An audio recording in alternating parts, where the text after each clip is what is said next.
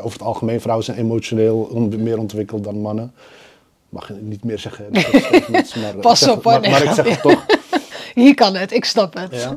Mario Bros? Ja, ja, dus dan heb je verschillende karakters die je kan kiezen. En dan, nou, oké, ik ben Mario. En dan spring je een wereld in. Dan ben je in een wereld. En dan beweeg je door de wereld. Je, ja, je eet dingen, hè. je eet eh, paddenstoelen. Je eet sterretjes. Als je de paddenstoelen eet, Ik ben wel geïnspireerd door Mario. ik ben heel erg geïnspireerd door Mario. Ik denk, hé, hey, Mario is gewoon real life. Ja, ja. Die illusie is ook gewoon een illusie die ik hier leef. Ja, weet je, ik ging, het, ik, het werd ongemakkelijk voor mij. Ik was niet gewend om zoveel geld te verdienen, om zoveel materieel succes te hebben. Dus wat ik ging doen, is ik ging dat saboteren. Dus een ideologie is eigenlijk, gaat verder, verder dan, het is cultuurideologie. En dan heb je overtuigingen en dingen en ideeën waar, waar je in gelooft, die daarbij passen.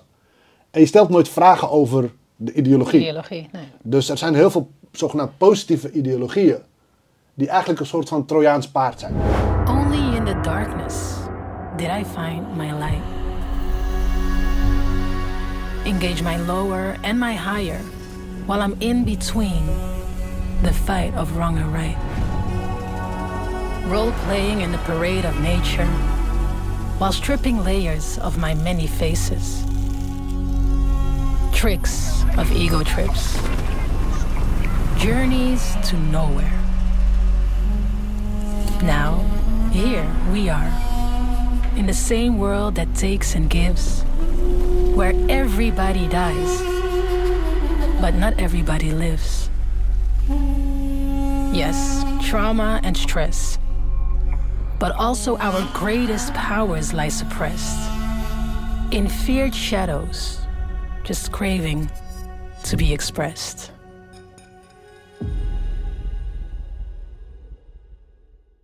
Hamid, superleuk dat je er bent.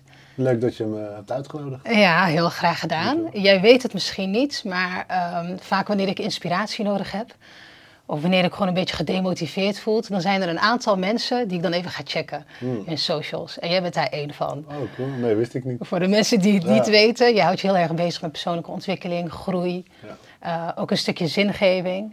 In elk geval in de gesprekken die ik met jou heb gehad in het verleden, waren dat voor mij de meest interessante gesprekken, omdat we daar heel erg op levelen. Maar even voor de mensen die je niet kennen. Wie is Hamid? Wie is Hamid? Ja, dus, eh, ik krijg die, vaak, die vraag vaak en eh, mijn antwoord is eigenlijk altijd van niet één ding. Je kan moeilijk definiëren dat ik, wie ben ik, mijn naam, ben ik mijn lichaam, ben ik mijn rol als, als coach, ben ik eh, vader, ben ik... Ik heb verschillende rollen in mijn leven en ik, ben, ik ben zeg maar het bewustzijn, de getuige van al die rollen die probeert om van die rollen ze allemaal op de best mogelijke manier te spelen. Ja. Voor de tijd die we hebben op, eh, op- in dit toneelstuk. Deze korte tijd, inderdaad, in het drama. Ja, precies. Ik vind dat je dat mooi zegt, wanneer, want vaak wanneer je mensen vraagt hè, wie ben je of hè, eh, eh, vertel eens wat meer over jezelf, dan krijg je vaak de standaard dingen van nou, ik ben vader of ik ben zo oud, en dit is het werk wat ik doe. Ja. Maar het zijn inderdaad allemaal rollen. Ja, En ik geloof ook dat, dat onze identiteit veel verder gaat dan die paar rollen die we soms bekleden. ja, ja, zeker weten. De rollen, als we dan toch over rollen hebben. eh, waar, wat zijn de rollen waar jij in je leven tot nu toe het, het meeste moeite mee hebt gehad? Of waar je meeste, dat je echt dacht van ja, ik kom niet helemaal uit de voeten. Ah, oké. dat is Welke rol kom ik het meest, minst mee uit de voeten? Ik denk dat in elke rol wel uitdagingen zitten. Eh, de rol die mij gek genoeg het minst leuk is geweest, is altijd is toch de rol van, van, van ondernemer. Eh, omdat ik, ik heb daar best wel shifts in gehad. Ik, heb, eh, ik ben heel jong begonnen als ondernemer, heel ambitieus. Heel veel geld willen verdienen en denken dat dat is het. En toen ik dat had, kwam ik erachter dat dat het niet Toch is. niet, ja. Eh, maar we hebben het er net vlak voordat we begonnen, hadden we het over eh, een beetje persoonlijkheidstype. Toen vertelde, jij, jij, jij had het over regelmaat en focus. Ja. Dat is iets wat bij mij zelf ook een uitdaging is. Om echt regelmaat en focus te hebben, consistent te zijn in ja, iets. Ja. heel lang hetzelfde. Kijk, om, om, je hebt verschillende soorten bedrijven die je kan bouwen, verschillende soorten ondernemers die je kan zijn. Maar ik ben meer de creatieveling dan dat ik de manager ben of de, of, de, of de entrepreneur. Dat zijn eigenlijk de drie rollen die er zijn. Of je bent de ondernemer, Ondernemer, of je bent de manager. ja. Je, kan goed, je houdt van mensen managen en eh, mensen achter hun broek aanzetten, et cetera. Of je bent de creatieveling. En ik ben meer de creatieveling. Ja, En eigenlijk, de creatieveling heeft eigenlijk... Je hebt ze alle drie nodig. Maar als je kracht zit bij creatieveling... dan heb je eigenlijk een ondernemer of een manager naast je nodig. juist. Eh, en, en, en die rollen van de, de, de ondernemer of de manager... zijn rollen die ik wel heb geleerd om te spelen. Maar, maar het zijn niet rollen die ik echt leuk vind om te spelen. Nee. Dus eh, ik ben bijvoorbeeld heel goed geworden in de saleswereld. Ik heb drie landelijke salesorganisaties gebouwd. Maar als ik heel eerlijk toegeef, ik heb sales nooit echt leuk gevonden. nee. Dus je bent er wel goed in Ja. geworden, Ja. maar het is niet Ja. dat je daar heel veel plezier uit haalt. Nee. Dus op een gegeven moment, toen ik, daarom ben ik ook coaching ingegaan. Op een gegeven moment, en daar haalde ik het meeste plezier uit. En daar kon ik natuurlijk ook mijn creativiteit kwijt. En daar hoefde ik niet zo heel veel te ondernemen en te, te managen. Ja, Want het is eh, voornamelijk mijn. mijn, eh, mijn eh, ik ben ook meer een dieptecoach dan een breedte. Meest, heel veel coaches die helpen je van A naar Z, weet je wel, of naar A naar B. ja, Dus echt een, een, een uitgestippelde routine, eh, zeg maar timeline van je bent nu hier en je gaat daarheen. Maar bij mij is het- dat doe ik ook wel voor de mensen die daar behoefte aan hebben. Maar mijn kracht zit meer in de diepte. Oké, en hoe Dus moet je dat ik- zien? Hoe je dat moet zien is, eh, ik, ben, ik ben aanwezig op het moment dat je me nodig hebt. En, en ik ben volledig daar aanwezig. En ik kijk naar wat zijn de onderliggende eh, lagen die de oorzaken zijn van wat er ook is op dat moment. Ja, Als je kijkt naar, een metafoor is de zee. Je ziet de golven. Je denkt, oké, de oppervlakkige golven, maar dat is niet, die worden gestuurd door de golven daaronder. juist. Het zijn ja. de diepere golven die echt het verschil maken. ja. En- En, als en je dus verandering wil hebben in die bovenste laag, dan moet je eigenlijk naar die onderste laag Ja, toe. ja, ja. Ja, Ja, mooi. Dus alles wat we doen is eigenlijk een. eh, ik zeg, we kiezen altijd de weg van de minste weerstand binnen een bepaalde structuur. Oké, wij, wij zitten hier in een ruimte. En eh, als wij weg willen, zodra we klaar zijn en wij willen weg, daar is de deur, toch?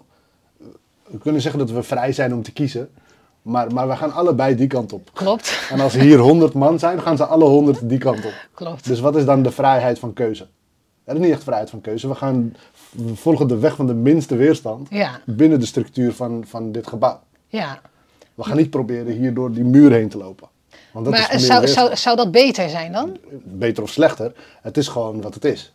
We volgen de weg van de minste weerstand binnen een bepaalde structuur. En het is natuurlijk heel duidelijk in een kamer met muren en deuren. Want ik merk dat ik dat ook namelijk heel vaak Ja. doe. In alles in Ja. het leven. Dat is een beetje mijn motto. Als, als ik merk dat er te veel weerstand is, dan denk ik vaak van, oh, dan is het misschien niet voor mij. Terwijl wanneer iets heel makkelijk meeglijdt, dan denk ik van, oké, dit, dit is goed. Ja. Maar ik kan me voorstellen dat daar waar weerstand is, dat daar misschien ook juist heel veel groei is. En- 100%. Maar het punt zit hem dus in dat mensen hebben die structuren die ze gebouwd hebben, die onbewuste structuren. Als we dan, we hebben het nu over een voorbeeld, een metafoor, maar wat ik eigenlijk bedoel is, we hebben in ons onderbewustzijn allerlei structuren, die hebben we aangeleerd als, als kind. We hebben overtuigingen, we hebben waarden, we hebben ideologieën, we hebben culturen. Dat zijn allemaal vormen die bepaalde structuren. ja. En de keuzes die we maken in het leven zijn de weg van minste weerstand binnen die onzichtbare structuren.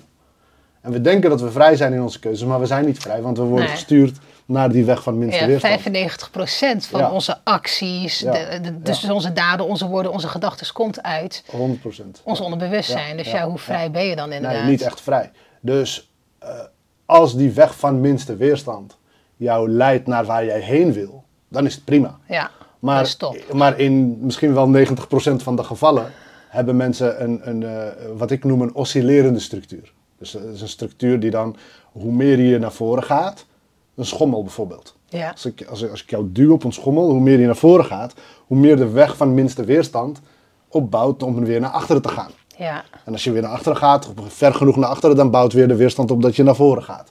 En zo gaan mensen naar voren, naar achteren, naar voren, naar achteren, omdat de structuur is zo. ja, En dan heb je dus het yo-yo effect op elk gebied van het leven. Mensen hebben dat financieel, in hun gezondheid, in hun relaties. Ja. Op elk gebied van hun leven zien ze een yo-yo effect.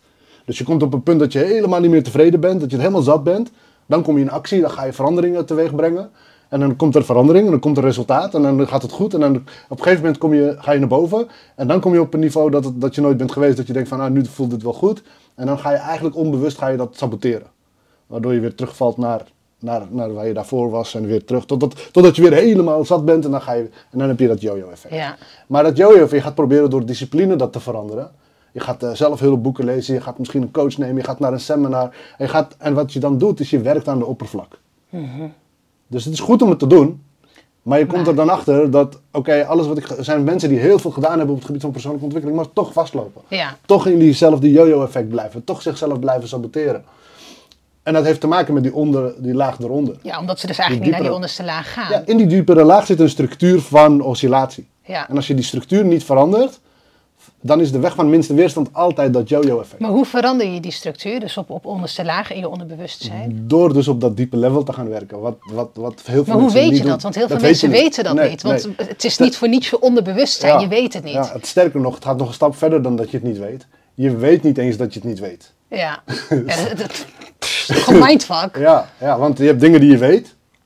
En je hebt dingen die je niet weet. Ja. Maar van de meeste dingen die je niet weet, Weet je niet dat je het weet niet je, weet? nee, weet je dat je het niet weet. Dus Ja. vaak als, je mensen, als mensen praten over dat ze iets niet weten, dan hebben ze het over het domein van de dingen waarvan ze weten dat ze het niet weten. Ja. Dus bijvoorbeeld, ik weet niet hoe ik een, iemand zijn hart moet opereren. ja. Ik weet, Jij weet dat je dat ik weet. dat niet weet. Ja. Snap je? Ik weet, mijn, broer is heel goed in mo- auto's en eh, repareren. Ik weet daar niks van. Dus ik weet dat ik dat niet weet. Ik weet wel dingen van websites en computers en zo. Dus als hij een probleem met zijn computer heeft, komt hij bij mij. Als ik een probleem met mijn auto heb, ga ik naar hem. Maar dat zijn allemaal domeinen van waarvan we allemaal weten dat we het niet weten. Maar als je iets niet weet, maar je weet dat je het niet weet, dan kan je kennis opdoen. Je kan vragen stellen, je kan zoeken naar iemand van kennis, et cetera. Maar er is een nog veel groter domein, eigenlijk het allergrootste domein wat er is, is het domein waarvan we niet eens weten dat we het niet weten. Dus we stellen helemaal de vraag niet eens. Dus we gaan ook niet eens op zoek naar de kennis of wat dan ook. Want we hebben niet eens, het is niet eens op onze radar dat we dat niet weten. Nee. Maar ja, dan kan je er ook niet komen. Nee, Of je komt er per ongeluk, per ongeluk toevallig. toevallig. Of je komt er door een crisis, een heftige crisis, of uh, een, een, een, een, trip die je hebt. Ja, snap je? Ja, of je gaat ayahuasca doen, of je hebt een spirituele eh, eh, gebeurtenis. Dat zijn, daar zie je dat mensen ineens, ineens inzichten krijgen en ineens ook radicaal veranderen. Ja. Omdat ze die diepere laag hebben aangeraakt. Waarvan ze niet eens wisten dat ze, die, dat, ze dat niet wisten. En op welke manier doe jij dat dan? Nou ja, ik, ik, ik, ik heb voor mezelf een hele reis gehad natuurlijk van eh, obsessief met persoonlijke ontwikkeling bezig te zijn. Ja. Eh, de afgelopen 26 jaar kwam ik in aanraking met persoonlijke ontwikkeling toen ik 19 was. Eh, ik ging mijn bedrijf beginnen, dus ik was, ik was een hele verlegen type.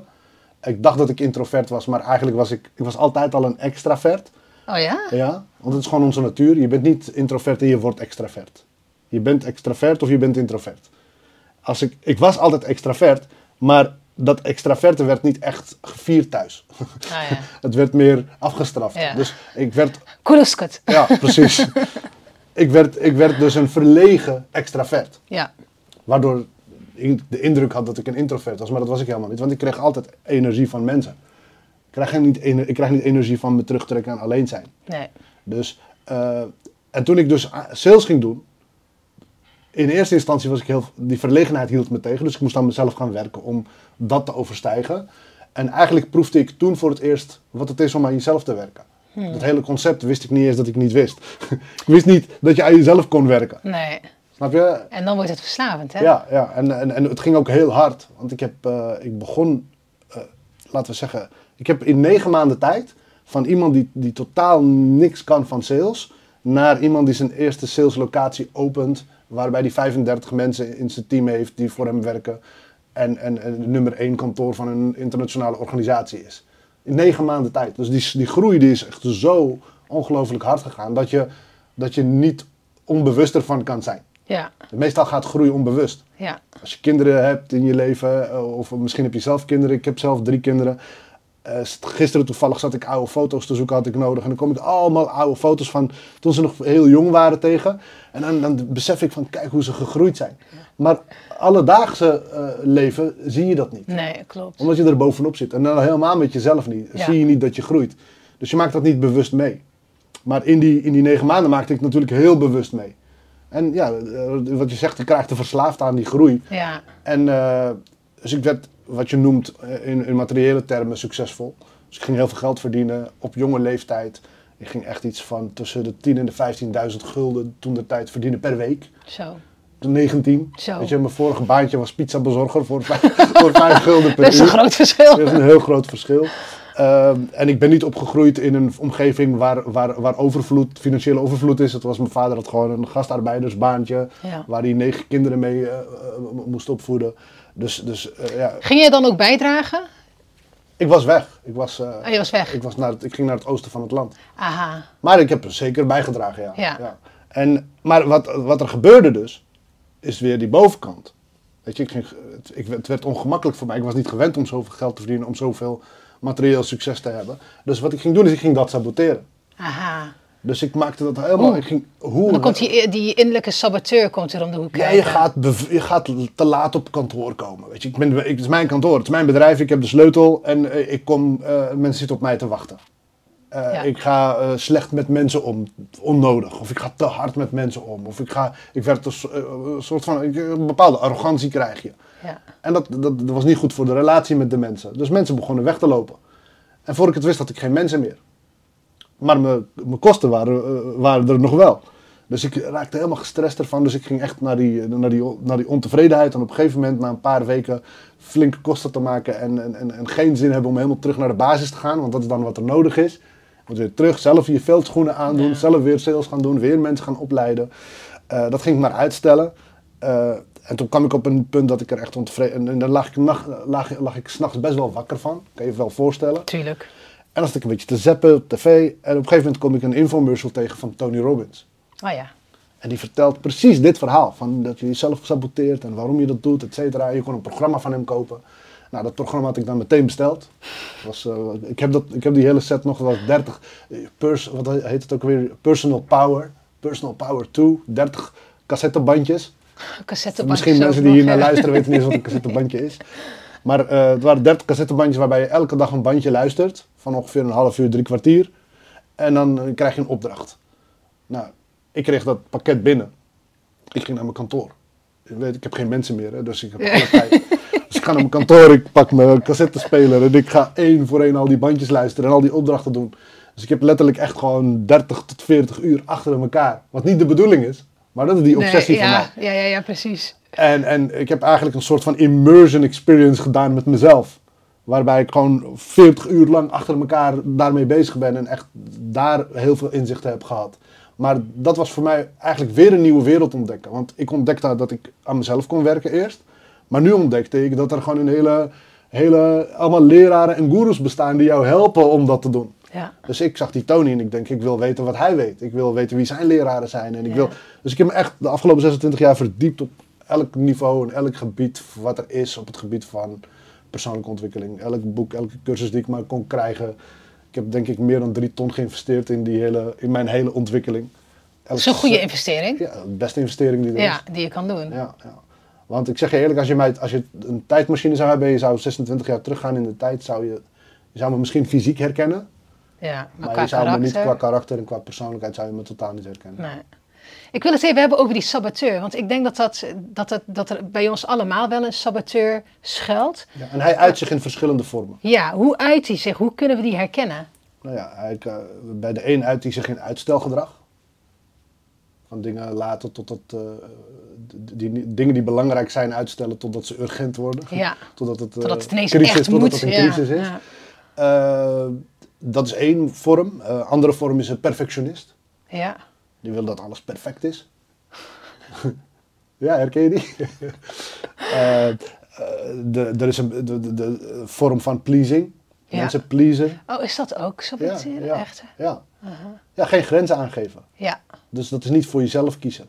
Dus altijd Ja. iedereen voor. Dat zie je bij veel vrouwen. Ja. Zie je dat eh, de helper, de, de, degene die altijd iedereen aan het helpen is. En dan zelfs, zelfs codependent wordt. ja. Dus zelfs het nodig heeft. Om mensen te Om helpen. mensen te helpen. Ja. Dus om dat- gezien te worden, gehoord te worden, Ja. eh, gewaardeerd te voelen. Ja, ja, en die trekt dan allemaal mensen aan die hulp nodig hebben. Ja. Want die, water zoekt het, het niveau. Dus da- degene die hulp nodig hebben, zoeken de mensen die hulp graag willen geven. Ja. En eh, ja, die persoon die gaat dan ten koste van zichzelf mensen helpen. En uiteindelijk is diegene opgebrand. Of, of heeft eh, ziekte of wat dan ook. Ja. Omdat, omdat je gewoon meer geeft dan je hebt. En eh, het is goed om te helpen. Eh, Absoluut. Alleen, eh, je, in het vliegtuig zeggen ze, je moet eerst je eigen masker opzetten voordat je die van zelfs je kind opzet. Ja, Want je eerst niet- jezelf helpen. Ja, je kan niemand helpen als je niet jezelf helpt. Nee. Er is een verhaal van een man die. eh, ik, als ik zo iemand tegenkom, geef ik ze altijd dit verhaal mee. Eh, een man die zag dat er een eh kokon waar een eh, vlinder in zit. Misschien ken je dat verhaal wel. Die vlinder die probeert eh, uit te breken uit die kokon. Was eerst een rups. En die, zit dan, en die man die vond het heel interessant om dat, dat te aanschouwen hoe zo'n vlinder ontstaat. Dus die zit te kijken naar die kokon. En die kokon heeft een barsje. Maar het gaat heel langzaam, het Ja. proces. En die man die begint op een gegeven moment, na twee uurtjes, begint hij een beetje zijn geduld te verliezen. Die denkt, dit duurt allemaal veel te lang. Weet je Ik wat ga een ik ga handje helpen. Ik ga een handje helpen. Dus die is naar binnen gegaan, heeft een pincetje gepakt. Oeh. En die gaat eh, een klein beetje, die kokon een beetje lopen openbreken. Ja. Op een gegeven moment haalt hij er een heel stuk vanaf. Waardoor die vlinder echt eruit dwarrelt. Die flappert een beetje met zijn vleugels. En die valt een paar meter verderop op de grond. En heeft geen kracht om verder op te staan en eh, gaat dood. Dus die kokon, ik zeg God, je hoeft niet in God te geloven, maar eh, de natuur of wat dan ook. Maar ik geloof dat dat God is. God heeft de, de, de kokon gemaakt Ja. als weerstand voor die vlinder. Zodat die vlinder de kracht moet opbouwen om die kokon te kunnen breken. Ja. En pas wanneer die vlinder de kracht heeft om, die, om zelf op eigen kracht die kokon te breken, dan heeft hij ook de kracht om te kunnen vliegen. Ja. Ja, mooi. Dus, dus als jij dan helpt om die kokon te breken, ja, dan ontneem je hetgene wat hem moet ontwikkelen. Ja. En dat is wat vaak mensen doen die heel graag willen helpen, die ongevraagd gaan helpen. Die, die ontnemen de mensen hun kracht om te vliegen. Ja, maar dat, het is grappig dat je dit zegt, want ik herken dit heel erg bij mezelf. Ja. Dat ik eh, jaren geleden eh, identificeerde ik mezelf heel erg als iemand die mensen graag helpt. Mhm. Eh, en op een gegeven moment, ik was een keer in Ibiza en ik ontmoette een vrouw. En nou, we hadden hele goede gesprekken. Toen liet ze op een gegeven moment vallen van ja, misschien help je wel vanuit je ego. En dat triggerde mij heel erg. Ik zeg nee, helemaal niet. Ik help gewoon omdat ik mensen graag wil helpen. Ja. En ze was een beetje aan het prikkend. En uiteindelijk kwam het erop neer van ja, misschien is het inderdaad wel echt ego. Want ik help eh, omdat dat mij een goed gevoel geeft. Omdat ik dan gezien word. Omdat Ja. ik me dan gehoord voel. Omdat ik me dan gewaardeerd voel. Ehm, dus ja, je, je- ik doe het dan echt voor mezelf eigenlijk. Uiteindelijk Ehm, is... en je doet heel veel dingen voor jezelf en dat is niet erg. Maar ehm, ik had daarmee niet door dat ik heel vaak mensen hun groei aan het ontnemen was. Omdat ik dingen voor hen deed en dingen uit handen nam. Ja. Eigenlijk was ik ze daar dus aan het ontkrachten. Ja. In plaats van die mensen in hun kracht te zetten, door ze te leren of te helpen hoe ze het zelf kunnen doen, deed ik het voor ze. eh, waardoor het eigenlijk een averechts effect had. En wat deed dat besef met je? Ja, dat, dat, dat komt even hard binnen en daarna ga je erop letten. En ehm, nou, dan moet je het gaan toepassen. Eh, en dan hou ik het even dichtbij, bijvoorbeeld bij mijn familie. Als me dan gevraagd werd om te helpen, eh, bijvoorbeeld mijn moeder. En dan zei ik tegen van ja, ik wil je best helpen, maar eh, ik noem maar even een voorbeeld van oké, je, je- je wil iets betalen. Ik stuur, ik stuur je het geld en dan mag je het zelf betalen. En dan was voor haar zo van ja, maar, oh je wil me niet helpen. Zeg je wel, ik wil je wel helpen, maar ik wil dat je het zelf kan. Ja. ja. En dus dan moet je ook nog eens losbreken van al die patronen en gewenning hè, die je bij mensen hebt opgebouwd. Want als je altijd helpt en je wil het ineens niet meer doen. En je komt dan nog met een reden van nee, ik doe dit voor jou. Ik help jou niet Nee, voor dat jou. doen zij niet. Nee, nee. Dat komt niet Nee, binnen. Dus het, was, het, het, het is een proces geweest. Ehm, lastig, maar ik, Ja. ik- ja, eh, uiteindelijk voor mij en voor de ander wel heel bevrijdend. Maar 100% want eh, kijk, die weerstand zal er altijd zijn. Want net als dat, wat ik net zei, die structuur. Net als dat jij zelf in zo'n structuur zit van allerlei ideologieën, cultuur, et cetera. Zitten de mensen die, met wie jij bent ook. Ja, En als jij bewust wordt van iets, betekent niet dat andere mensen daar ook meteen allemaal tegelijkertijd bewust van nee, zijn. zeker niet. Dus die, die zitten op een, andere, eh, op een andere plek in hun journey. Klopt. En dat betekent niet dat jij dan beter bent of zij minder, maar ze zijn gewoon op een andere plek in de reis. Ja, it. ja, precies. En, en, en ja, ze, ze kunnen niet horen en niet begrijpen wat jij op dat moment begrijpt. Nee. En dat is ook een onderdeel van iets wat je moet accepteren. Ja, en dat is ook weer hun proces Ja, dan. dat is ook ja. hun proces. Ja. Ja. We hebben het nu gehad over jouw rol als ondernemer. Je bent vroeg begonnen, saboteur leren kennen, heel hard Ja. gegaan, succesvol geworden. Eh, althans, veel geld verdiend. Toen gerealiseerd van nou, succesvol kun je niet meten aan de hand van hoeveel je verdient. Mhm. Hoe meet je succes wel? Voor mij is het, toevallig heb ik, eh, had ik het gisteren ook weer in een, eh, een, een online coaching met een groep mensen. En er werd me deze vraag ook weer gesteld over wat is succes. Succes is voor iedereen anders, het zijn waarden. Maar hoe we weten of we die waarden bereiken, dat is de regel, dat is de overtuiging. Meestal onbewust. Tot die tijd was het voor mij doelen bereiken. Dus als ik mijn doel Ja. bereik, dan ben ik succesvol. Ja. Maar toen ik echt in die persoonlijke ontwikkeling bezig was, toen besefte ik dat als ik kijk naar het spectrum van tijd en hoeveel tijd we bezig zijn met naar een doel toe te werken. En het moment van het doel bereiken, als we het al bereiken, want meestal bereiken we het niet eens. De meeste doelen, de meeste doelen halen we niet. We halen weinig, een klein percentage van de doelen die we halen. En als je dan pas jezelf toestemming geeft om je succesvol te voelen, dan ben je maar heel weinig van de tijd dat je dat gevoel hebt. Ja.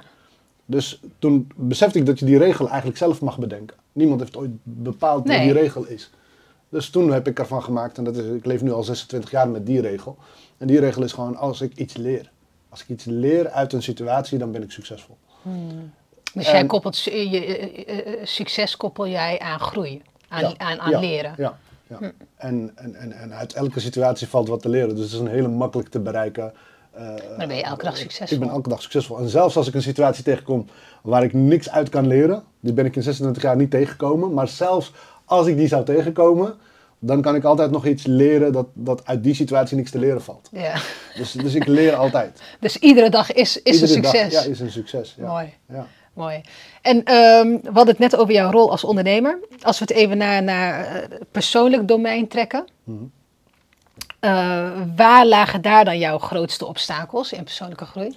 Mijn, mijn, mijn grootste obstakel in persoonlijke groei zit echt, eh, en dat, dat, dat heeft en met mijn persoonlijkheid en met mijn opvoeding te maken, is, is eh, eh, connectie met emoties. Ja, Emotionele expressie, zeg maar. ja, Eh, nou, ik ben getrouwd, ik heb een vrouw die eh, wel echt heel erg met, met, met emotie bezig is. Over het algemeen, vrouwen zijn emotioneel on- meer ontwikkeld dan mannen. Mag je niet meer zeggen. maar, Pas zeg- op, hoor. Maar, maar ik zeg het toch. hier kan het, ik snap het. Ja. Ehm, maar in mijn geval is het 100% zo. Ja, Maar ik heb, eh, mijn moeder is overleden toen ik heel jong was. En eh, los van of mijn moeder is overleden, in heel veel gezinnen uit onze cultuur is er nooit echt die emotionele hechting. Waarbij, ik denk dat je het herkent wel in onze cultuur. Het is niet dat je van je ouders hoort dat ze van je houden. Ik heb, ik heb dat nog nooit gehoord, in ieder geval. oh, dat is een goede vraag. Ik denk mensen met, wie ik, mensen met wie ik praat uit onze cultuur, die, het, is geen, het is geen norm in onze cultuur om aan je, in ieder geval van de oude generatie. Ja, Wij hebben dat nu geleerd om met onze kinderen wel dat te doen en, en, en onze liefde te tonen. Maar dat werd niet uitgedrukt. En, en, en, en degene die dat dan het meest geneigd is om te doen, is de moeder. ja, En die ontbrak bij mij. Dus ik heb dat, ik heb dat echt no- nooit echt ontvangen. Ik heb dat op latere leeftijd door mijn ontwikkeling wel nog aan mijn innerlijke kind kunnen geven. Dus, dus het is nooit te laat om dat kind die liefde te geven die het, die het nodig heeft. Maar, maar het heeft er wel voor gezorgd dat ik op dat, dat gebied nooit echt, echt, echt ontwikkeld heb. ja. En daar loop ik nog steeds wel tegenaan. Dat ik merk dat ik het gewoon heel lastig vind om over mijn emoties of over mijn gevoelens te praten. Waarbij als mijn vrouw daar behoefte aan heeft, ja, dan ik, ik merk. Het is zelfs zover dat ik niet eens echt behoefte eraan heb. ja. En dan is iets, dan wil zij dat wel. Maar ik, ik heb dan zoiets van, ja, maar waarom? Het is er, het is er niet, weet je. Dus waarom moet ik het dan... Kan toch beter focussen op waar ik, waar ik gewoon wel krachtig en waar zit. ik sterk in ben. Maar er zit wat in voor dat stukje, dat, dat eh, het is een belangrijk onderdeel. Maar is het dan omdat je die, die emoties niet voelt? Of omdat je ze wel voelt, maar niet weet hoe je ze onder woorden moet brengen? Nee, ik, eh, het gaat nog een stuk dieper. We hadden het over die diepere lagen. Ja, De, de, de context, misschien is het te vaag dit, maar de context waarin ik mijn hele leven heb gecreëerd. We creëren een context. ja, Dus eh, misschien moet ik dat stuk eerst uitleggen. Dat, je hebt, eh, over het algemeen heb je, mensen kennen de law attraction toch? ja, Hoe vaak hoor je van mensen van, ja, waarom werkt het? Het werkt niet. En dat klopt ook, het werkt niet voor iedereen. Het werkt maar voor hele specifieke mensen en voor specifieke situaties. Het werkt niet altijd voor iedereen. ja. De law of attraction is wel altijd voor iedereen aan het werk. Maar dat betekent niet dat het voor jou werkt en dat het doet wat jij wil. Dus als ik deze, dit glas heb, hier zit water in. Als dit glas het metafoor is voor de context, het glas is de context. En de content, de inhoud, is het water. Toch? Er zit water in dit glas. Maar in dit glas kan van alles. Er kan ook eh, thee in, er kan ook koffie in, er kan Ja. ook of, er kan van alles in deze context. Je kan er suikerblokjes in gooien, je kan er zand in gooien. Maar wat je niet kan doen, is je kan niet deze pot, deze mooie pot met Marokkaanse suiker, die kan je niet hierin. Nee. Waarom niet? Ja, dat pa- ja het past niet. Het past niet. Dus als jouw context dit glas is, en wat jij wil creëren in je leven is deze pot, deze suikerpotje, dan gaat het niet werken. Want die content past niet in deze context. Ja. Oké. En de context van ons leven is iets wat we zelf hebben gecreëerd. Alleen we hebben het gecreëerd in een, in een moment van hele heftige frustratie slash trauma.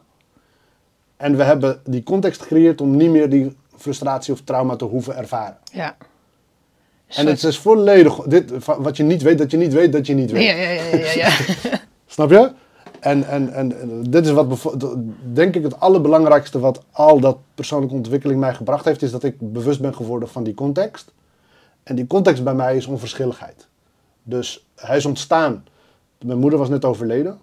En eh, mijn vader die woonde eigenlijk in Nederland. Die kwam één keer in de twee jaar naar Marokko. En jij woonde toen in Marokko? En ik woonde dus? in Marokko met mijn broers en mijn moeder en mijn oma en mijn overgrootmoeder. Ja. Allemaal in één huis. En mijn vader zagen we dus één keer in de twee jaar. En dan moet je beseffen dat als ik drie ben, heb ik hem dus maar één keer meegemaakt. Eén zomerperiode meegemaakt die ik me niet herinner. Dus het was voor mij een onbekende man. Ja. ja. Nou, mijn moeder overleed. Vader komt terug naar Marokko. En besluit om dan zijn gezin, in ieder geval die, de, de, de jongste drie kinderen, en de oudste zoon zou dan bij oma blijven. Maar de, hij heeft vier zoons. En hij besluit om drie kinderen mee te, te hertrouwen en drie kinderen mee te nemen naar Nederland. Het ging allemaal heel snel. Ik wist niet echt wat er aan de hand was, wat er gebeurde. Maar het moment dat, eh, dat iedereen aan het inpakken was. En eh, je weet hoe dat gaat in Marokko met auto, imperiaal, alle bagage. Ik, ik, ik snapte niet wat er allemaal gebeurde. En ik stond boven vanuit, vanuit het raam naar beneden te kijken. En mijn oudste broer, die, zegt tegen, die staat naast me. En die maakt een grapje. Die zegt tegen mij van, weet je wat ze aan het doen zijn? Ik zeg, nee, weet ik niet. Hij zegt, ze gaan naar een heel ver land. En ze gaan jou achterlaten. Erg dit. Heftig, toch? Hij- Ja. Maar hij deed dat waarschijnlijk. Het was niet eens waar. Nee. Want, hij- want ik ben hier. Dat is gewoon wat broers doen. Ja, pesten. gewoon pesten. Hij dacht, ik ga hem even pesten. Ja. Maar voor mij stortte mijn hele wereld in. Ik denk, nee, ze mogen mij niet achterlaten. En ik begin de trap af te rennen. En ik ren en ik ren en ik ren naar die voordeur. En ik kom bij die voordeur aan. En eh, het is een zandweggetje, dat is geen eh, verharde weg. En ik zie de auto in de verte verdwijnen met zo'n stofwolk. En voor mij was het klaar, ze hebben me achtergelaten. En de conclusie die ik daar trok was, als ze mij hier achterlaten en ze nemen mij niet mee, dan, dan, dan kan het ze dus niks schelen. Ja. En, en de- dat beschermingsmechanisme voor mij, om de- die pijn niet meer te hoeven ervaren, die, die zei tegen mij, die deed een uitspraak van in de vorm van, dan kan, mij, Dan kan ik het dan ook, kan niet mij schelen. ook niet schelen. Ja, ja. En dus dat, het kan mij niet schelen, werd de context. Nou ja. Oké, en Ja. die context is een, wordt eigenlijk een soort van eigen levensvorm. ja. Dat gaat in leven willen blijven. En wat is er nodig om het kan mij niet schelen in leven te houden? Situaties waarin het je niet kan schelen. Dus ik moet situaties creëren waarin ik dat kan zeggen. Dus ik moet dingen maken, dingen bouwen en dan kapot maken, zodat ik kan zeggen, het kan me niet schelen. Ja. Dus dat deed ik met mijn bedrijf, dat deed ik met mijn eerste huwelijk, dat deed ik met mijn gezondheid, dat deed ik eigenlijk met alles in, in, in, in mijn leven. Ja, en, en je bent hertrouwd. Ja. Ik heb je vrouw ook ontmoet, prachtige en super lieve, zachte eh, vrouw. Ehm, hoe, hoe werkt dat nu, die context? Hoe, hoe, hoe Ja, probeert die- zij je de context of ja, de content? Ik, ik, ik ben dus nu bewust van, ik, eh, van, van, van, van die, die demon, zeg maar. Ja. En, en, en, ik, ik, ben, ik heb hem al nu best wel redelijk onder controle, maar hij zit er nog steeds. En, en, maar ik heb hem in de gaten. ja, En, eh, en zij weet ervan dat hij er is. En eh, ja, ik, ik ben nu 13 jaar getrouwd en het gaat alhamdulillah heel goed. fijn. Hebben twee prachtige dochters. En, Ja, eh, super lief. ja. Heel slim, heel slim. Ja, dat is hoe ik, hoe ik ze ervaar, maar ik ben niet 24 Nou, wat ik heb 27, gedaan, bewust, super. als je teruggaat naar dat verhaal van die kokon, is ik heb bewust nooit de kokon proberen te breken. Nee, Dus heel als ze, goed. Als ze vielen of als er iets is wat ze konden doen, is echt mijn motto. Als ze me vragen, ik zeg als je het zelf kan doen, moet je het zelf doen. Ja, Dat kan je zelf. ja, Dus eh, ja, daardoor leren ze veel en daardoor ontwikkelen ze zich. En kijk, als je kind valt en hij gaat huilen, je gaat meteen erop af en eh, troosten. En dan Ja, bouw je geen resilience, bouw je geen krachtig kind. Klopt. Dus als ze vallen, zeg ik, ja, er is niks aan de hand, ik kan gewoon opstaan. ja. Je had het net over een demoontje, de Ja. onverschilligheid. Eh, de benaming die je geeft vind ik, vind ik heel De interessant. demon, ja. de demon. Want wij zijn natuurlijk, nou, we zijn allebei eh, eh, Marokkaans. Ik weet niet hoe het bij jou zit, maar ik ben opgevoed met, eh, weet je, als, als, als iemand helemaal para is, of als iemand, Genoeg. ja, genoeg. of als iets mislukt, of een huwelijk loopt op de klippen, wordt er heel snel, het wordt heel snel in verband gebracht met de, de ongeziene wereld. Hè? spirits, geesten, genoen, demonen, noem het hoe je het wil. Ehm, Het, het, is, het is eigenlijk dat wat het is. Dus djinn, djinn betekent letterlijk ongeziene. Ja, Dus het hoeft niet een entiteit te zijn. Het is een idee kan ook een djinn zijn. Dus het, is een, het woord Jannah, dus eh, is, is letterlijk, hij ziet het niet. Jannah lil jabali, er zijn nog versen in de Koran die zegt Jannah lil jabali, dus hij kon dat niet zien. ja. Dus, dus dat is wat het is. Het is het ongeziene. Ja, dus het, het, het klopt. Ja. Hè? Als, als iets mislukt of iets gaat Ja. niet goed of je voelt je niet goed, eh, dan is er dus invloed van Ja. het ongeziene. Ja. Oké, Ehm, daar, zo sta ik er ook in. Maar ik betrek het heel erg op mezelf. Dus al die dingen zitten in en om mij heen. Is niet iets wat, wat ver mij- van mij afstaat. Ehm, ik, ik heb alleen het idee dat heel veel eh, mensen in, in onze gemeenschap het zien als iets wat ver van hen afstaat. En als iets waar je niet mee moet interacteren. Hoe zie jij dat? Waar je, het, het, wat ik zie in mijn omgeving is veel mensen die zien dat als, een, als entiteiten die een eigen wil hebben, Ja, die losstaat van jouw wil. En dat je dus geen invloed hebt. Dus het is een makkelijke manier om als er iets mis is in jouw leven, om te zeggen, ja, ik, ik, ben- ik ben, eh, er is ik zeggen bij mij gedaan. ik ben zeggen gedaan. Ja. Ja, zwarte En, magie. en, en, en, en ik wil het niet kleineren, want ik ben wel bewust dat het wel bestaat. Absoluut. Het bestaat echt. Het is niet dat, eh, ik heb dingen meegemaakt en gezien waarvan ik zeker weet, oké, dat is echt niet. Maar het is in, in, in, in denk ik, ne- 95% van de gevallen waarin mensen zeggen dat dat het is, is, het, is dat het niet. Is het een eigen Is het demon? een eigen, eigen gecreëerde eh, entiteit of demon, mag je Ja. het noemen. Maar het is, kijk, een idee kan ook functioneren als demon. Dus er is, bijvoorbeeld, je ziet nu in de wereld, er zijn allerlei ideologieën. Ja, Dus eh, je, eh, ja, je, je, kent, we weten natuurlijk alles van complottheorieën en zo. Dus ik, ik heb me heel veel verdiept in die complottheorie vroeger. Dus ik wist er ook alles van. Maar ik ben nu op het punt dat ik denk niet per se dat er een, een, een, een, een, een, soort een elite is die de duivel aanbidt, die, die, die mensen wil eh, manipuleren. Het lijkt er allemaal wel op. Maar wat het meer is, het is meer ideologieën.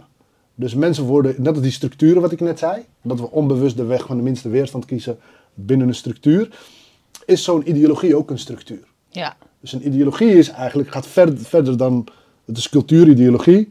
En dan heb je overtuigingen en dingen en ideeën waar, waar je in gelooft, die daarbij passen. En je stelt nooit vragen over de ideologie. ideologie. Nee. Dus er zijn heel veel zogenaamd positieve ideologieën, die eigenlijk een soort van Trojaans paard zijn. Die lijken heel positief en zijn misschien ook geboren met een positieve intentie, maar die krijgen later een heel, die worden extreem en die krijgen dan een heel raar karakter. Snap je? het? De, de- de ideologie van feminisme bijvoorbeeld. Ja, is begonnen met het idee van oké, vrouwen gelijke, Gelijke rechten. rechten, Nou ja. ja, de islam gaf vrouwen al stemrecht eh, 1500 jaar geleden, eh, erfrecht, et cetera. ja, Dat was er toen allemaal niet. Maar nu, vrouwen staan, moeten, moeten gelijke rechten hebben. Prima. Niemand is, het is raar als je zegt nee, het is niet zo. ja, Toch? ja, Vrouwen moeten waardigheid krijgen. Prima, allemaal goed. Dus het klinkt allemaal goed. Maar als je kijkt naar, als je doortrekt, ja. En de uitvoering? de hele uitvoering ervan, ja, dan is het op een gegeven moment, mensen weten niet eens meer of ze een vrouw of een man zijn. Ja. ja. Dus, dus dan heeft het extreme eh, trekjes. Maar, maar mensen staan niet stil bij. Ze denken dat het hun keuze is. Maar ze zijn eigenlijk gevangen, een soort slaaf, van een ideologie. ja, ja, ja, ja, ja. En, en, en als je bijvoorbeeld kijkt naar eh, bijvoorbeeld de mensen, de, de elite, die hebben ook een ideologie. En in hun ideologie is het, je creëert groei en verandering door schokken. Dus het is heers en verdeel en zoveel mogelijk schokken aan het systeem geven. Dat is wat een systeem sterk maakt en laat groeien. Dus de intentie Is wel zo, is, het, Ja. het, is in, het, is, het is soms zo en het is soms niet zo. Ja, ik bedoel, als ik bijvoorbeeld kijk naar mijn lichaam, op het moment dat ik mijn lichaam een schok geef, Ja, dan bouwt het zich weer op. Ja, maar je kan het ook En dan wordt het sterker. Maar je kan het ook vernietigen. Ja, dat is waar.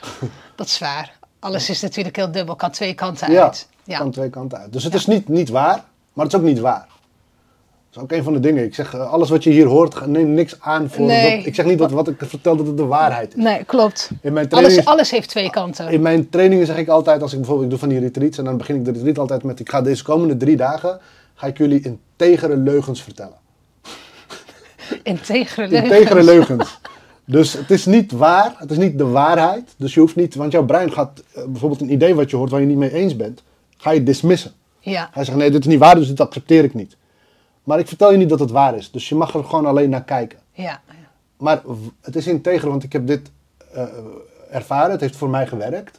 Het heeft gewerkt in, in, in, in heel veel mensen met wie ik gewerkt heb, heeft het gewerkt. Dus de kans dat het voor jou werkt is groot. Maar als je er niet naar luistert, als je het dismist omdat jij denkt van dit is, omdat je denkt dat ik je een waarheid verkondig, dan is de kans dat jij het niet accepteert heel groot. ja. Terwijl als ik zeg het is een integere leugen. Ik meen het, wat ik vertel, wat ik allemaal, alles wat ik net verteld heb, zijn dingen die ik heb meegemaakt en lessen die ik geleerd heb. Maar dat betekent niet dat ze de waarheid zijn. Nee, precies. Ik ga even terug naar ehm, waar je het net over had. We hadden het over, eh, je had het over een wereldelite en dat je niet gelooft dat er een wereldelite is. Of een elite die de wereld beheerst en die, die de duivel aanbidden. Ja, gelooft gewoon dat Ik geloof wel dat er een elite is, maar niet per se dat die... Dat ze de duivel Ja, aanbidden. Ja, niet per se dat ze ons allemaal willen afmaken. Nee, oké, dat, dat geloof ik inderdaad hoeven ze alleen niet. maar het water te vergiftigen. En dan, Ja, precies. Er zijn heel, hele makkelijke manieren om dat te kunnen doen, inderdaad. te lanceren. En- Nee, dat geloof ik inderdaad ook niet. Maar wat geloof je dan wel? Ik geloof in dat er verschillende ideologieën zijn. Ja, En eh, de ene ideologie dient de mensheid en de ander niet. De ander dient de belangen van grote bedrijven of elite mensen. Het is niet hun belang is ons belang. Dat, eh, in principe kun je ervan uitgaan dat mensen altijd dingen doen die hun belang dienen. ja, En dat is niks raars, want dat is wat wij zelf ook doen. ja, precies. Dus eh, dat, het hoeft niet meteen te zijn dat het. eh, ja. En slecht en goed is, is ook, is ook eh, in, een, een relatief iets. Snap je? Als ik, als ik, eh, als ik, ik ben nu in, in Marrakesh, nee, ik weet niet. maar als ik in Marrakesh ben en ik wil naar, naar, naar, naar, naar Almere, waar ik woon, ja, dan heb ik een route die ik moet volgen. En als ik afwijk van die route, dan is dat slecht. Ja, Want dat is niet waar ik heen wil. juist. Maar is, is die route per se slecht? Nee, die route is niet per se slecht. Nee, maar het zit niet in jouw belang op Het dat zit niet in moment. mijn belang om die route te volgen op dat moment. Ja. Oké. Hmm.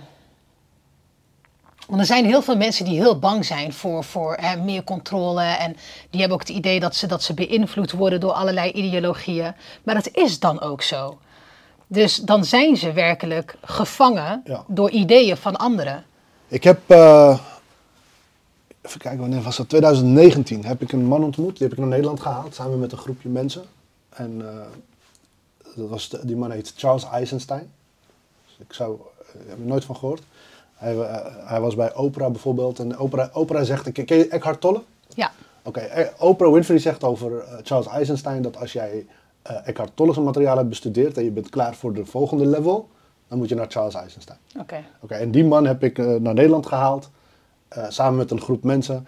Eh, en hebben we een symposium gehad en op een gegeven moment iedereen die hoorde dat hij in Nederland was, allerlei organisaties die wilden hem eh, uitnodigen om te komen spreken. Ja, En, en ik mocht hem dan die week rondrijden, overal naartoe. Want wij hadden hem gehaald en eh, wij waren verantwoordelijk voor hem. Dus wij gingen overal, ik, ik dan eh, samen met nog iemand, ging dan de hele tijd overal met hem mee naartoe. Waar hij overal ging spreken. En een van de dingen die hij bijvoorbeeld zei, is dat, eh, hij zegt bijvoorbeeld, ik dacht altijd egoïsme is, is, is oorzaak van een heleboel problemen. ja, Maar wat hij zegt, hij zei bijvoorbeeld, egoïsme is geen oorzaak. Hij zegt, egoïsme is een symptoom. en wat is En dat? dat is een symptoom van een te klein verhaal over wie we zijn. Dus hij zegt letterlijk dit. Hij zegt, we creëren verhalen. En Wat ik bedoel dus met die... En die verhalen creëren ons dan. Dus wij creëren verhalen die ons dan weer op hun beurt terug creëren. Dus we hebben een verhaal gecreëerd van feminisme. En dat verhaal van de ideologie en dat verhaal van feminisme creëert weer van alles. Dus eh, egoïsme zegt dat wie ik ben, wie ik ben, is dit. Ik ben mijn lichaam. Of ik ben, ik ben, misschien ben ik mijn, mijn gezin. Dus wat er gebeurt is als mijn verhaal zo klein is dat ik alleen maar mezelf zie als mijn, mijzelf en mijn gezin, dan ga ik alles op alles zetten om alleen maar daarvoor te zorgen. Toch? Ja. Maar als ik dat verhaal groter maak, als wie ik ben, niet alleen maar mezelf is, maar meer. Ik ben ook jou. En ik ben ook, ik ben de mensheid. Ik ben het leven. Ik ben onderdeel van de wereld. De wereld is ook wie ik ben. Ja. Dan ga ik meer geven ook om, om, om dat allemaal. Dan ga ik niks doen wat, wat daar een negatief gevolg voor is. Ja. Dus als we de aarde zien als een object waar we gewoon economisch winst. Een boom levert geld op als die gekapt is. Want dan kunnen we, het papier en het hout verkopen. Ja. Maar als we die boom zien als hij is onderdeel van mij en van het leven wat ik ook ben. En als ik hem weghaal, maak ik hem dood en mezelf dood. Dan ga ik die boom niet meer Dan ga je ook heel anders in het leven Hij staan. heel anders in het leven staan. Hij zegt dan draait heel- de wereld heel anders. Heel anders, ja. En, en, en, en, en dat is waar hij helemaal voor staat, is eigenlijk een, een, een nieuw verhaal creëren voor een mooiere wereld. Ja, maar dat is belangrijk, want we zitten nu juist in een wereld waarin er heel veel. Er is, er is bijna een overvloed aan verhalen. ehm, die, die, die egoïsme heel erg stimuleren. Dat je Ja. eigenlijk verkapt voelt en afgesloten voelt van, van We, alles we en leven, we leven in het heen. verhaal van afscheiding, van separatisme. We zijn, ik sta los van jou. Ja, Hier ben ik, daar ben jij. En ik moet voor dit zorgen en jij moet maar voor dat, kijken of jij voor dat kan zorgen. Ja. Dat, dat is omdat Ja. ik jou zie als los van mij. ja. En dat zie ik in het asielbeleid. Ja.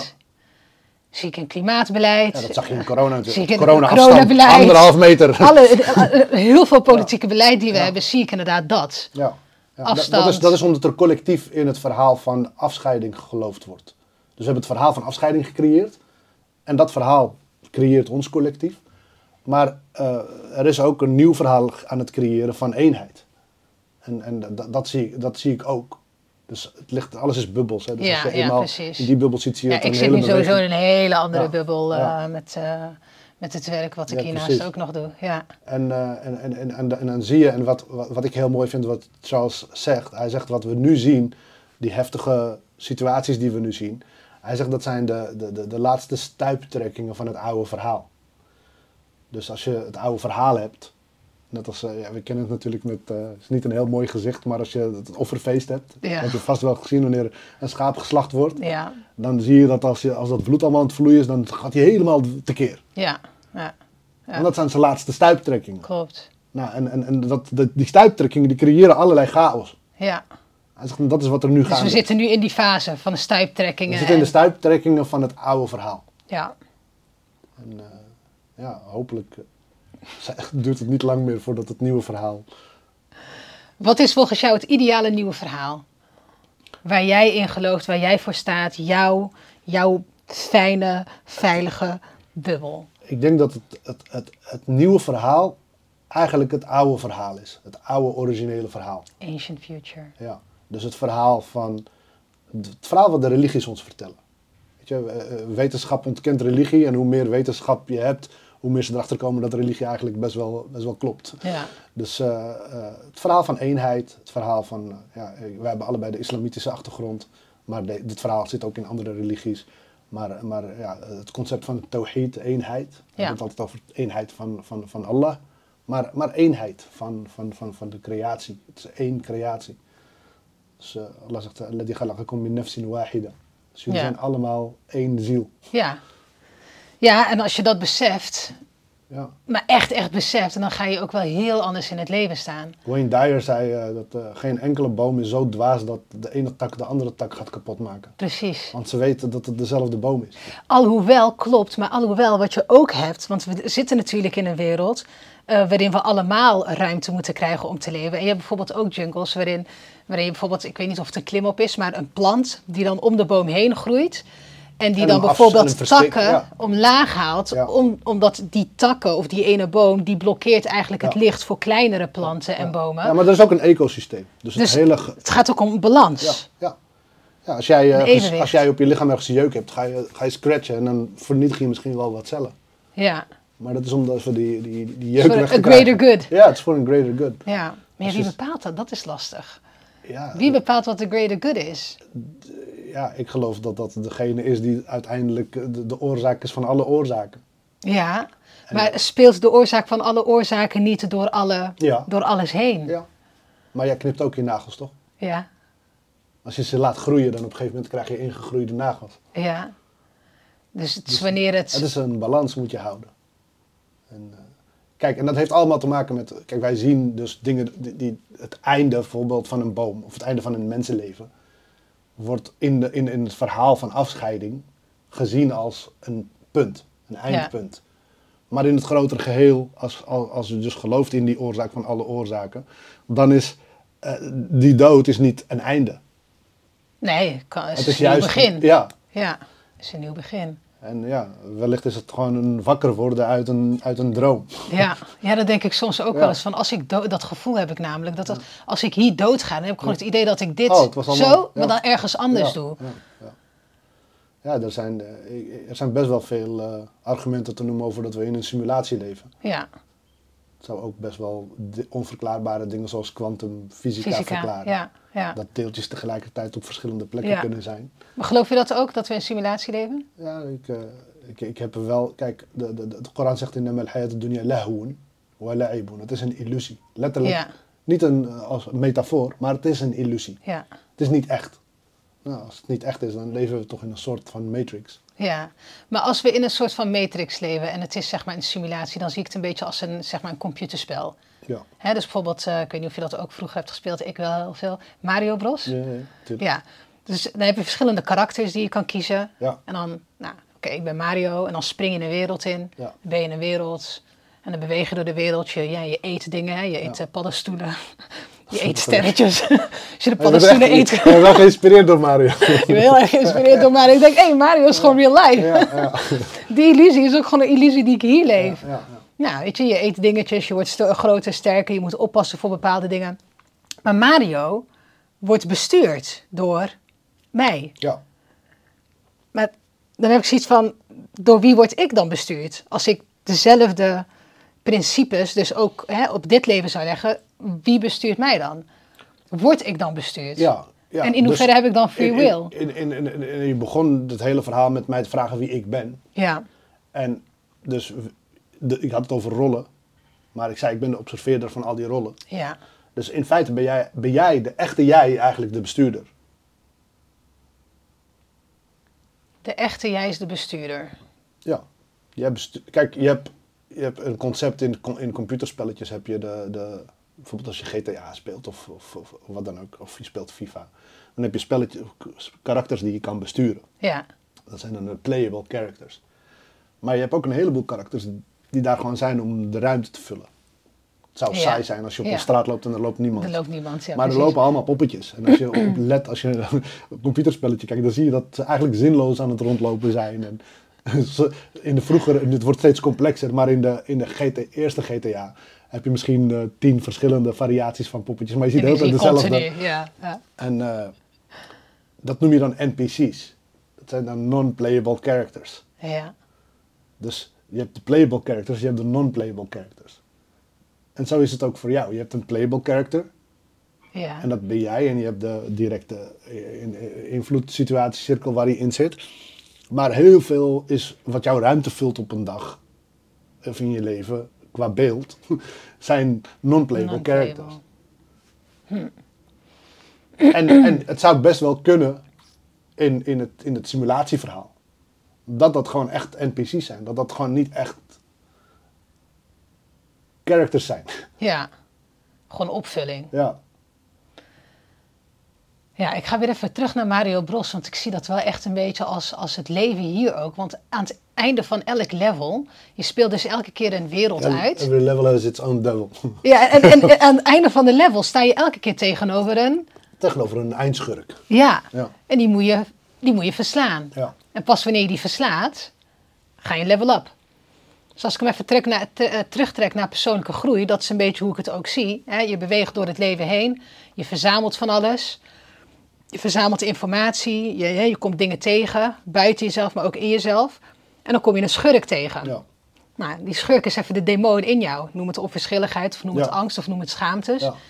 Je hebt een, een, een schurk, een, een, een, een- een entiteit, een being waar je tegen moet vechten. Ja, En pas wanneer je die verslaat, dan ga je een niveautje hoger. ja, En ik zie dat ook een beetje bij mezelf. Elke keer wanneer ik een, een, een schaduw eh, van mezelf eh, ken, begrijp eh, en leer te integreren. die jouw ja, vleugel weer sterker maakt. ja, dan word ik inderdaad sterker. Ja, ja. En dan, dan verruim ik weer mijn bewustzijn en dan Ja. ga, beweeg ik nog steeds door dezelfde wereld. Alleen ik zie andere dingen. En dan komen andere dingen op mijn pad. Andere non-playable characters. En het, het doel is het spel uitspelen, toch? het spel uitspelen. Ja, zo goed mogelijk. En Ja. zo'n hoog mogelijk level te En met bereiken. zoveel mogelijk plezier vooral. Ja, ja, ja, ja. Ja. Genieten van die reis. Ja. Een paar laatste tips of voor, voor, voor onze kijkers, mensen aan de andere kant van het scherm. Op, op welk gebied? Genieten van je reis. Genieten van dit spel. Ehm, Het leven. Ik denk dat het genieten sowieso een, een gevolg is van de moeite die je steekt in eh, een goed leven proberen te creëren. Dus eh, ik geloof niet zozeer in, in, in, in, in, in, in, in achter geluk aangaan. Ik denk niet dat het doel van het spel is om gelukkig te zijn. Ik denk dat heel veel mensen eh, hebben de pursuit of happiness, weet je wel. Ja. En eh, ik ga trouwen, want dan kan ik gelukkig worden. Alles is uiteindelijk omdat ik gelukkig wil zijn. Ja. Maar, maar ik denk niet dat dat het meest nobele is om je leven aan te wijden. Ik denk dat, eh, ik heb, als ik terugkijk op mijn leven, dan heb ik liever een leven van betekenis. Dan dat ik kan zeggen, ik had een gelukkig leven. Ja. En om een leven van betekenis te hebben, moet je, moet je moeite doen. Moet je de weerstand opzoeken. Je moet gaan, gaan werken aan die structuren. En of je kan de weg van de minste weerstand gewoon volgen en elke keer maar op die schommel blijven. En aan het eind van je leven kijken op een leven wat alleen maar he- heen en weer is gegaan. Ja. Of je hebt daadwerkelijk eh, aan jezelf gewerkt en echt de beste versie van jezelf neergezet. En dat proces kan je van genieten, maar het maakt je niet gelukkig. Niet- dat, is, dat is tegenstrijdig. Ja, het is tegenstrijdig. dus als jij geluk wil, ja, dan wordt het heel lastig. Want het is. Het is eh, ik heb me in de maand Ramadan heel erg verdiept in de. In, in, in, de- ik heb me mijn hele leven lang al best wel verdiept in de Koran en de islam. Maar de afgelopen Ramadan heb ik een serie gedaan over eh, de deugden eh, in, van de Koran. En dan eh, met persoonlijke ontwikkeling. Dus de dingen die we in persoonlijke ontwikkeling leren, eigenlijk staan ze allemaal wel in de Koran. Ja. En heb ik elke dag een deugd genomen en gekeken van wat zegt de Koran erover. Wat heb je eraan in je persoonlijke ontwikkeling, et cetera. Dus die hele serie staat op YouTube.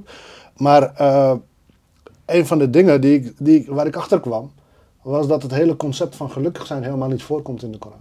Nee. Nee, Sa'ada, weet je het woord eh Sa'id? Ja. Sa'id, de naam Sa'id. Sa'id Ja, betekent gelukkig. Ja. En er is maar één plek waarin het woord Sa'id voorkomt in de Koran. En dat, en dan staat dat, dat, dat- sommige zijn Shaqi en andere zijn Sa'id. En degene die Sa'id is, is degene die het goede nieuws krijgt dat hij naar het paradijs gaat.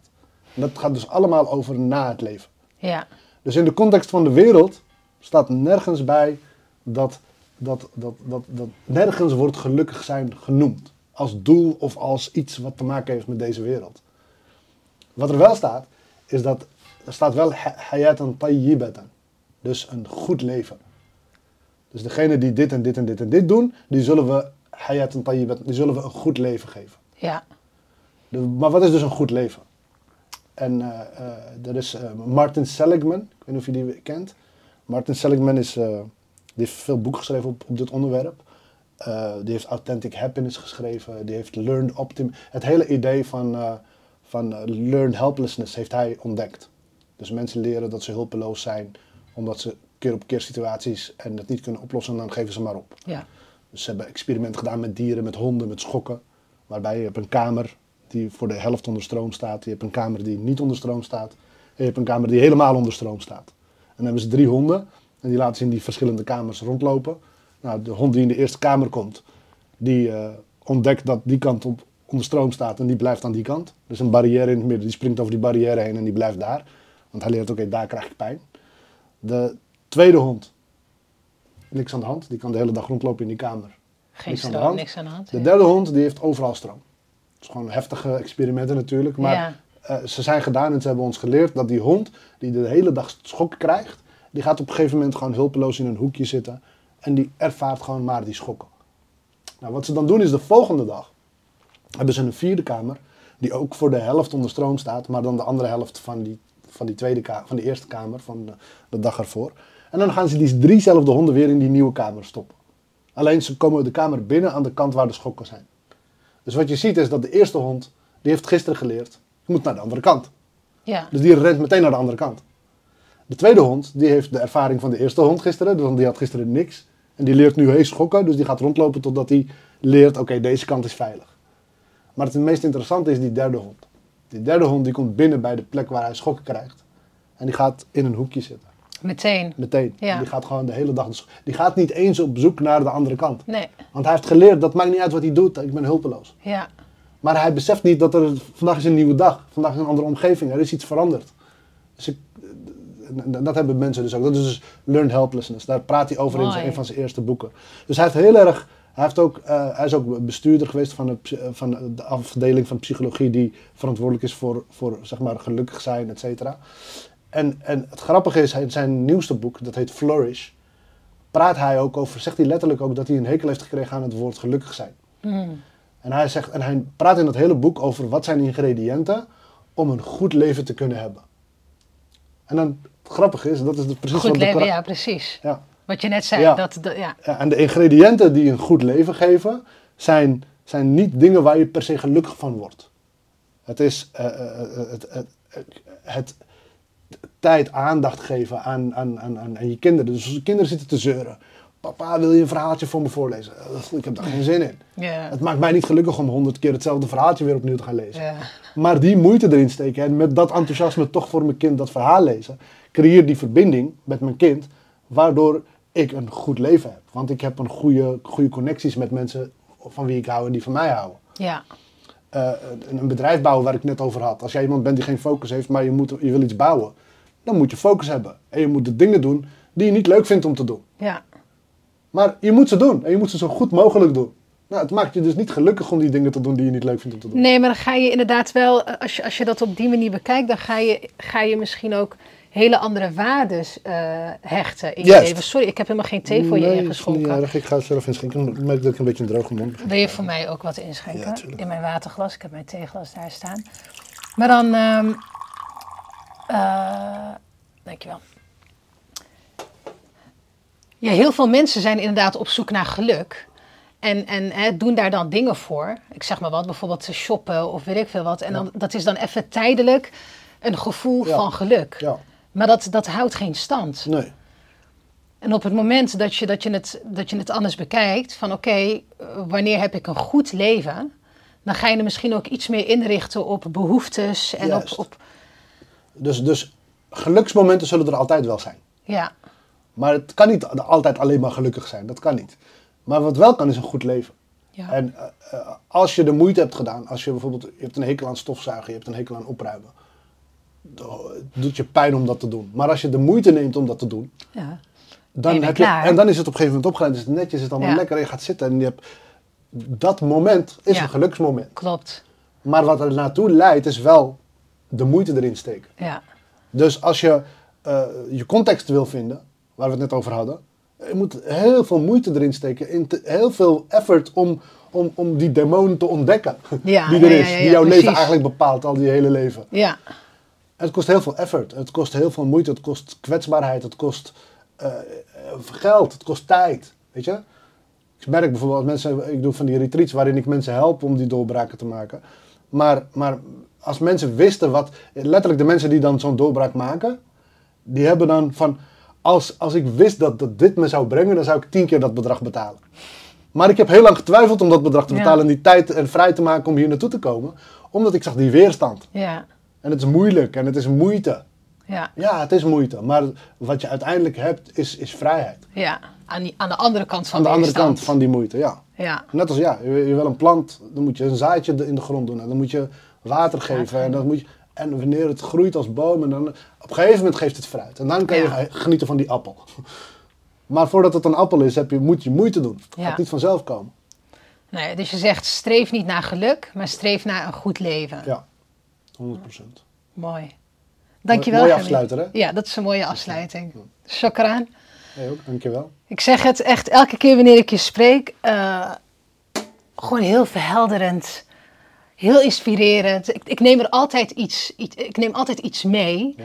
eh, wat me aan het denken zet. Ik ook. Ja. Gek genoeg. Ja? Ja, ja, de dingen, hoe, we, hoe ik het meeste heb geleerd is het door het te onderwijzen. Ja. Als je dingen aan het uitleggen bent, tijdens he- heel veel van de dingen die ik uitleg, maak ik ook verbindingen en patronen en krijg ik inzichten. Ja. Dus ik leer ook heel veel van, van, van, van, van elke keer dat ik iemand iets probeer te leren. ja. Kracht van uitwisseling Juist, en delen. Ja, ja. ja jij ook. En jij ook. Shukran. Dankjewel.